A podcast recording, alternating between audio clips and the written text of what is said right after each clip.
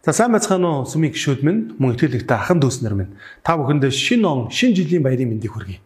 Мөн дээрээс нь шабат өдрийнхөө мэндийг дэвшүүлж байна. Ингээд хамтдаа бүгдээрээ 2021 оныхоо хамгийн анхны шабат өдрийн сургаал номлолоо сонсцгоё. Та бүхэн надтай хамтдаа энэхүү цаг мөчийн төлөө их эзэн даатгаж залбирал үлдэхгүй юм хүсэж байна. Хамтдаа залбирцгаая.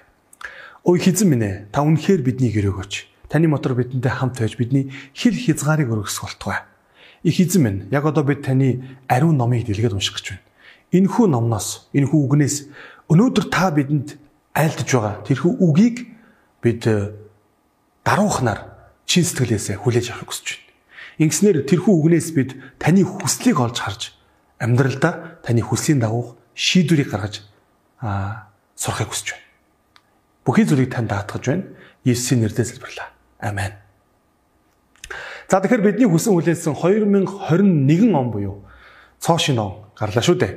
Тэгэхээр энэхүү бидний өмнө ирж байгаа 365 цоо шин өдрүүдэд та юу хийж болох вэ? Юу амжуулж болох вэ? Юу бүтээж болох вэ гэдгээ бас төлөвлөж цаасан дээр бичээсэй гэмээр. Магадгүй зарим нь бичсэн байгаа бах.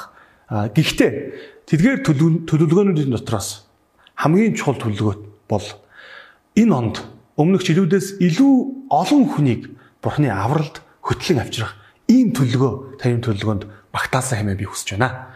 Энэ өнөөдрийнхөө сургаал номлолыг хамтдаа бүгдээрээ эхлүүлээд а өнөөдөр сургаал номлол ямар сэдвтэй гэдэг талаар бас би та бүхэнд тайлбар хэлж өгье.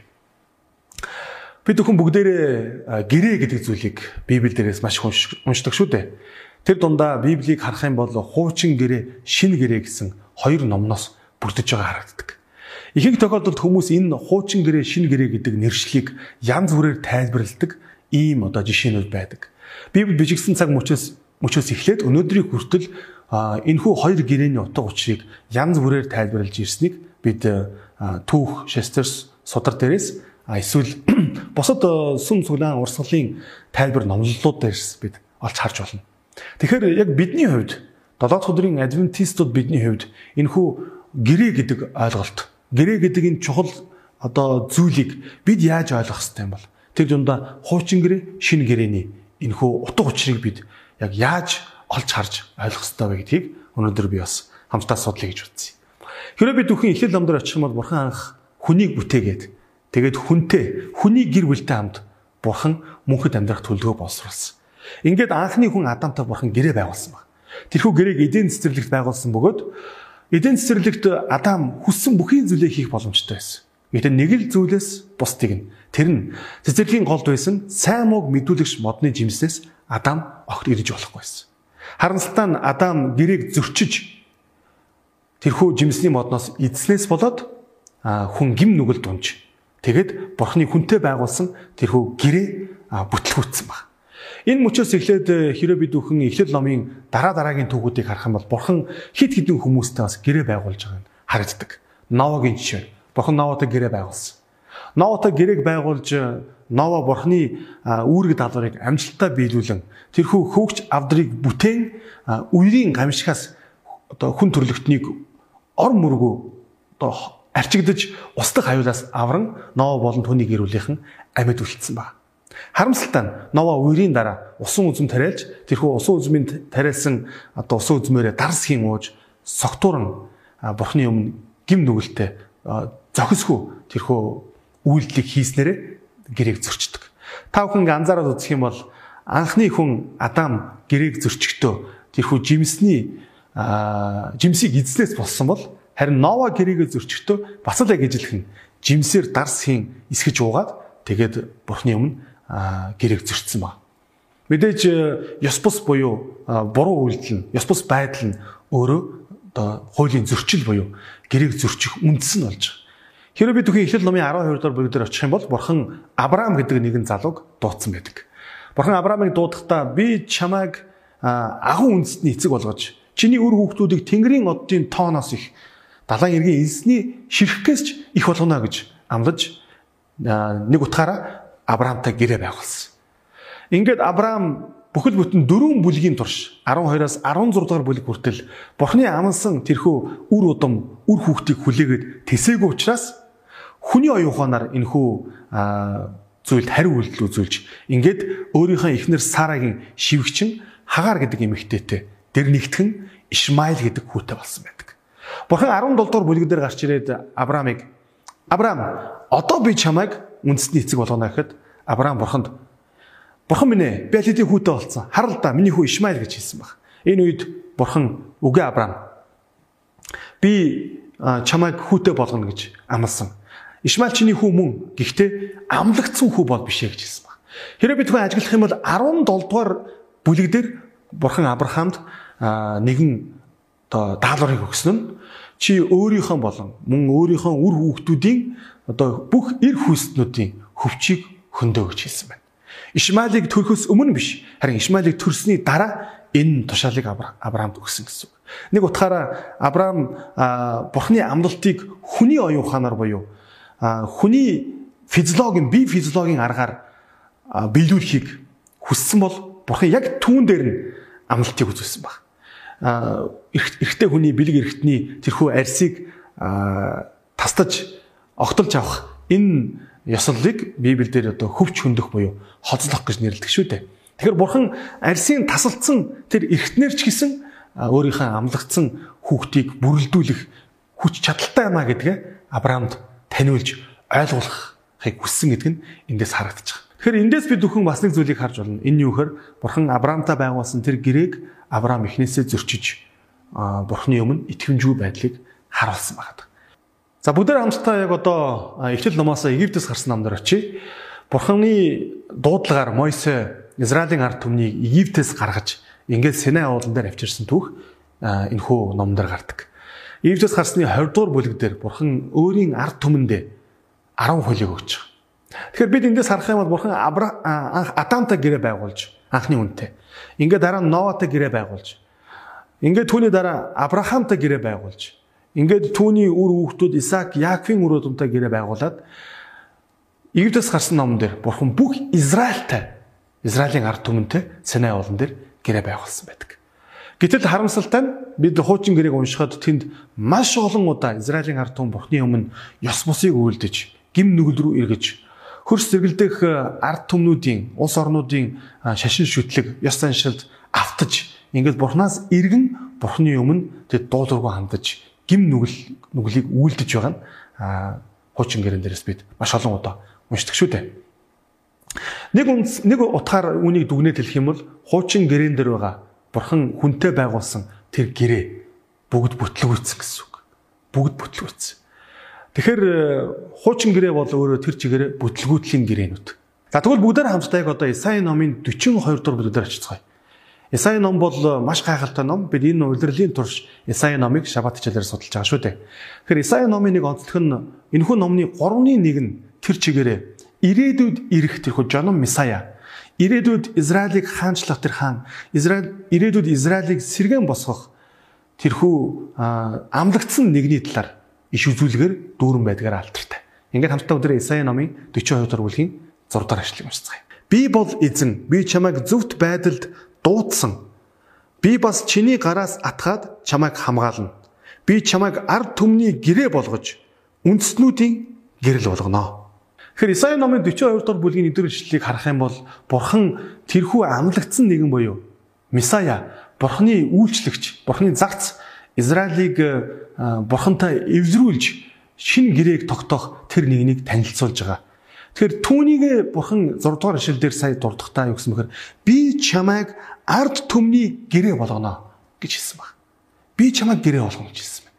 Замсаа бүгдээ Исаи номын 49 дугаар бүлгийг дээрээс дахин нэг ишлэг уншъя. Исая 49:8 Эзэн ингэж айлдаж байна. Тааламжтай цагт би чамд хариулж, авралын өдөр би чамд тусалсан. Би чамайг хамгаалan, чамайг ард түмний гэрээний төлөө өгч, газрыг дахин сэргээж, сүйтгэгдсэн өвийг өвлөгчтөд нь буцаана гэсэн. Тэгэхээр Исаи номын 42 болон 49 зүр бүлүүдээр гарч байгаа энэхүү би чамайг гэж нэрлэдэг байгаа тэр нэгэн бол Бурхан юм. Бурхан энд хин нэгнийг тэр онцгой нэгнийг өөрийн ард түмний төлөө гэрээ болгож өгнө гэж хэлсэн байна. Тэгэхээр энэ гэрээ болгож гэрээ өөрөө биеэрээ гэрээ болж ирсэн тэр нэгэн хэн байж болох вэ? Та сайн бодоод үзээрэй. Тэгэхээр мэдээж энэ бол Иесус Христ юм. Есүс өөрөө гэрээ болж ирсэн. Тэгэхээр бурхан хуучин гэрээний туршид хүнтэй гэрээ байгуулахыг оролдож ирсэн. Оролдох болгонд нь хүн бурханы тэрхүү гэрээний заалтын өмнө ихэвжүү хандаж, дуулуургүй хандаж, үнэнч бус хандаж гэрээг зөрчиж байсан байсныг бид харсан шүү дээ. Тэгэхээр бурхан ямар төлгөөг бэлдсэн байсан бэ гэхээр өөрөө гэрээ болж өөрөө хүний өмнөөс тэр гэрээний бүх зүйл зүйл заалтыг дагаж мөрдөх нэгнийг илгээнэ гэж хэлсэн багт. Тэгэхээр энэ бол Иесус Христ. За тэгэхээр одоо бүгд хамтдаа Иесус хэрхэн энэхүү гэрээний биелэл нь олж өөрөө гэрээ болж Бурхан хүн хоёрын хооронд энэхүү гэрээг баталгаажуулсан бэ гэдгийг хамтдаа бүгдээрээ харцгаая. Авраамтай Бурхан гэрээ байгуулж тэгээд тэрхүү гэрээ түүний үр удам болох Исаак Яаковын үр удамд хэрэгжиж байсан. Тэр дундаа Йосефийн цаг үед Израилийн ард түмэн Египтэд очисон түүхийг бид мэднэ шүү дээ. Яг ч юм бэ хуучин гэрээн дээрх Йосеф бас шинэ гэрээн дээр гардаг Йосеф хоёр цаг үеийн үйл явдал болон газар нутгийн байршлаараа ижил төстэй зүйл харагддаг. Йосефийн үед Израильчууд ган ажигт нэрвэгдэн тэгээд Египтэд очиж тэнд ам гарсан бол шинэ гэрээний цаг үед Есүс түүний эцэг гэдэг Йосефийн ачаар тэд Херод хааны занал хийллээс зүхтан Египтэд очиж тэнд ам гарсан байдаг. Ингээд цаг нь ирэхэд Израилийн ард түмэн Египтээс гарч мөн Есүс ч гэсэн гэр бүлийн хамт Египтээс гарan их нутагта ирсэн байна. Тэгэхээр энэ түүх бол Хосе номын 11 дэх бүлгийн 1-р ишлэлдэр дурддагддаг. Израилийг залуу байх үед би түүнийг хайрлан өөрийн хүүг Египтээс дуудан гаргасан. Тэгэхээр Матай номыг бичсэн Матай Хосеа номын 11 дэх бүлгийн 1-р ишлэлийг Матай 2-ын 15 дээр иш татан ийм хүү биелжээ хэмээн хэлсэн байгаа. Тэгэхээр Матай ном болон шинэ гэрээний сайн мэдээний номнуудыг харах юм бол ийм хүү биелжээ, иш үзүүлэг ийм хүү биелжээ. Ингиж бичигдсэн нь ийм хүү биелэлээ олж хэмээх бичвэрүүд ийм одоо хилцс хиллгүүд маш олон удаа харагддаг. Израильчууд Египтээс гарахдаа тэд улаан тэнгисийг хувааж дундуур нь гарсан бол Есүс ч гэсэн үйлчлэлээ эхлэхдээ Йордан гол дээр очиж тэнд усан баталгаа хүртсэн байдаг. Израильчууд Египтээс гарахдаа улаан тэнгист усан баталгаа хүртсэн гэсэн зүүрлэл юм. Есүс яг л Израильчуудын тэдний түүхээр амьдралынхаа туршид алхсан. Ингээд Израилийн ард түмэн тэд 40 жил цөлөөр тэнүүчилсэн бол Есүс усан баталгаа хүрснийхаа дараа 40 өдрийн туршид цөлд очиж соригдсан байдаг. Бас мацаг барьсан. Тэгэхээр энэ үед сатан Есүс дээр ирээд түүний 3 удаа сордог шүү дээ. 3 удаа сорихт нь Есүс тэрхүү сорилтонд гурваланд нь Библийн одоо ишлэлээс иш тавдаг. Тэр дундаа дид хууль номноос иш татсан байдаг. Та магадгүй гайхаж магадгүй. Яагаад заавал дид хууль номноос юм бол? Тэгэхээр бүгд хамтдаа энэ эсгүүдийг уншицгаая. Матай 4-р бүлгийн 4-р шил. Гэвч Есүс хүн зөвхөн талхаар бос харин Бурхны амнаас гарах үг бүрээр амьдрна гэж бичигдсэн байдаг гэж хэлв. Тэгэхээр Есүс энэ бичигдсэн байдаг гэж хэлсэн энэ хэсгээ Дэд хууль номын 8 дугаар бүлгийн 3 дугаар ишлэлээс иш татсан баг. За мөн бүгд хамтдаа Матай 4-ийн 7 дугаар ишлэлийг уншъя. Есүс өөрийн бурхан эзнээ бүү соргиж бас бичигдсэн байдаг гэвэ. Яг энэ үгийг Есүс Дэд хууль номын 6-гийн 16 дахь ишлэлээс иш татсан байна. Харин 3 дахь нь Матай 4 дугаар бүлгийн 10 дугаар ишлэл. Есүс "Зайл сатана чи өөрийн бурхан эзэндээ мөргөж зөвхөн түүнд үйлчил гэж бичигдсэн байдаг гэж хэллээ." Тэгэхээр энэ хэсгийг Есүс Дэд хууль номын 6 дугаар бүлгийн 13 дугаар ишлэлээс иш татсан байна. Есүс сатаанд хариулах бүртээ дэд хууль номноос иш татсан. Тэгэхээр дэд хууль ном бол үнэхээр чухал ном юм Израильчуудын хувьд. Ягаад гэвэл дэд хууль номон дээр бурхан Мойсегоор дамжуулж Израилийн ард түмэнд өгсөн тэрхүү гэрээний бүхий л нарийн зүйл заалтууд тэнд бичигдсэн байдаг. Харамсалтай нь Израильчууд гэрээг зөрчиж тэрхүү гэрээний зүйл заалт бүрт итгэмжгүй бас үнэнч бус хандаж гэрээг сахиж чадаагүй. Харин Есүс сатаанд дэд хууль номноос иш татаж хэлэх бүртээ Израильчуудын сахиж чадаагүй гэрээний зүйл заалтыг өөрөө биелүүлж байгаа гэдгээ, өөрөө сахиж чадаж байгаа гэдгээ, өөрөө сахих ёстой гэдгээ харуулж байгаа нь энд ажиглагдаж байгаа. Израильчууд э, Египтээс гараад тэд Синай уулан дээр ирж Бурханаас 10 хөлийг авсан бол Есүс үйлчлэлээ эхлүүлэхдээ тэрээр уулан дээрх сургаал гэдэг гайхалтай сургаалаа заасан байдаг шүү дээ. Яг л 10 хууль Израилийн ард түмний амьдралд хамгийн чухал хууль болж тэдэнд тэдний амьдралд хэрэгжиж байсан шиг Есүс ч гэсэн өөрийнхөө айлдж байсан сургаалууд дотроос хамгийн гайхалтай сургаалаа уулан дээр заасан байдаг. Тэгэхээр Есүсийн алхсан амьдралын зам мөр бүр яг л Израильчуудын тэрхүү хуучин гэрээн дээрх түүхийн он дараалал зүй тогтлын дагуу амьдрсан харагдаж байгаа. Гэхдээ энэ хоёр ялгаатай. Израильчууд энэхүү түүхэн дээр үргэлж гэрээний зүйл заалтыг зөрчиж тэд гэрээнд итгэмжгүй хандаж исэн бол харин Есүс өөрийн амьдралаараа үг үйлдэлээр гэрээний зүйл заалт бүрийг дагаж мөрдөж чадж байсан юм. За сонирхолтой нэг зүйл нь юу гэхээр Матай өөрийн номон дээр гэрээ гэдэг үгийг ганцхан удаа ашигласан байдаг бөгөөд энэ нь Матай 26 дугаар бүлэг дээр гардаг. Хамтаа бүгдээрээ энэ ишлэгийг уншицгаая. Матай 26-гийн 28. Учир нь энэ бол нүглүүдийн уучлалын тулд олонний төлөө урсгах гэрээний миний цус гэж хэлсэн байна. Тэгэхээр яг энэ хэсгийг Лук өөрийнхөө сайн мэдэн дээр бичгтээ Лук 22-ын 20 дугаар шилдэр Тийм эцэцгээсний дараа тэр мөн аяг авч энэ нь та нарын төлөө асгагдах миний цусаар тогтоох шин гэрээ юм а гэж хэлсэн байна. Тэгэхээр Есүс өөрөө энэ гэрээ гэдэг үгийг өөрийн амаар айлцсан. Гэхдээ үүнийг хэлэхдээ Есүс өөрийнхөө шаниртайгаа зүг дээд өрөөн дээр хамгийн сүүлийн удаа дээгүүр өнгөрөх баярыг хамтаа тэмдэглэж ирсэн байна. Есүс энэхүү гэрээ гэдэг үгийг тодорхойлохдоо энэ бол миний төлөө миний та нарын төлөө урсгасан цусаар тогтоогдох шин гэрээ юм а гэж хэлсэн баг. Энэ юу гэхээр би бол энэ шин гэрээний бэлэн юм. Би өөрөө энэ гэрээ юм. Би та нарын төлөө гэрээ болж ирсэн юм а. Энэ гэрээг баталгаажуулах, энэ гэрээг батлах тэр тамга тэмдэг нь бол миний цус байх болно гэж хэлсэн байна. Бурхан Мойсестэй гэрээ байгуулахдаа үүнийг Синай уулан дээр хоёр чулуун хавтан дээр өөрийн гараар сийлж өгсөн байдаг шүү дээ. Үүнийг нь бид нар 10 хууль гэж нэрлэдэг. Энэ 10 хуулийг Израильчууд үеэс үед хадгалж нандинж ирсэн. Тэгэд гэрээний авдар гэж нэрлсэн тэрхүү хайрцаг дотор 10 хуулийг байршуулж хаашаач нүүж сууж хаач явж байхдаа тэр авдрыг үргэлж одоо нандинж авч хадгалдаг байсан баг. Мөн Израилийн хаадуудын үед тэд өөрсдийнхээ хаан суудлын дэргэд бурхны хуулийг, бурхны үгийг үргэлж байлгадаг байсан баг.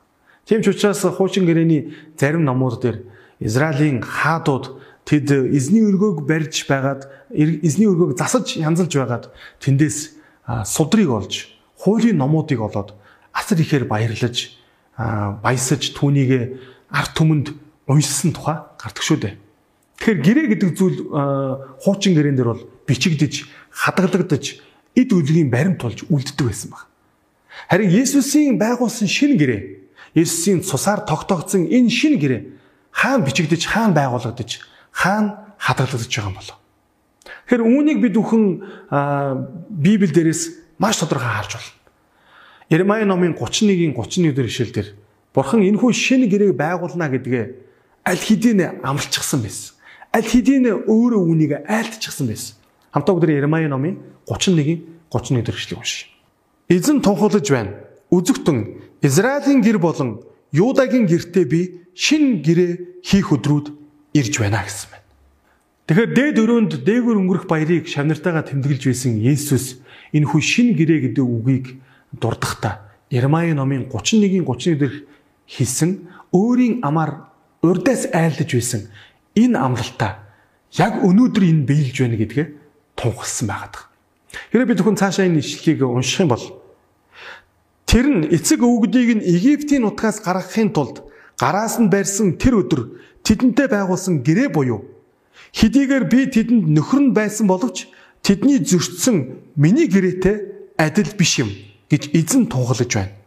Гэвч энэ нь тэдгээр өдрүүдийн дараа Израилийн гэртээ миний байгуулах гэрээ юм гэж эзэн тунгалж байна. Би өөрийн хуулийг тэдний дотор хийж зүрхэн дээр нь би түүнийг бичнэ. Би тэдний бурхан тэд миний ард түмэн болно гэж хэлсэн байна. Амен. Тэгэхээр Есүс өөр Ермая номын 31 дэх бүлэг дээр би цоо шин гэрээг байгуулнаа.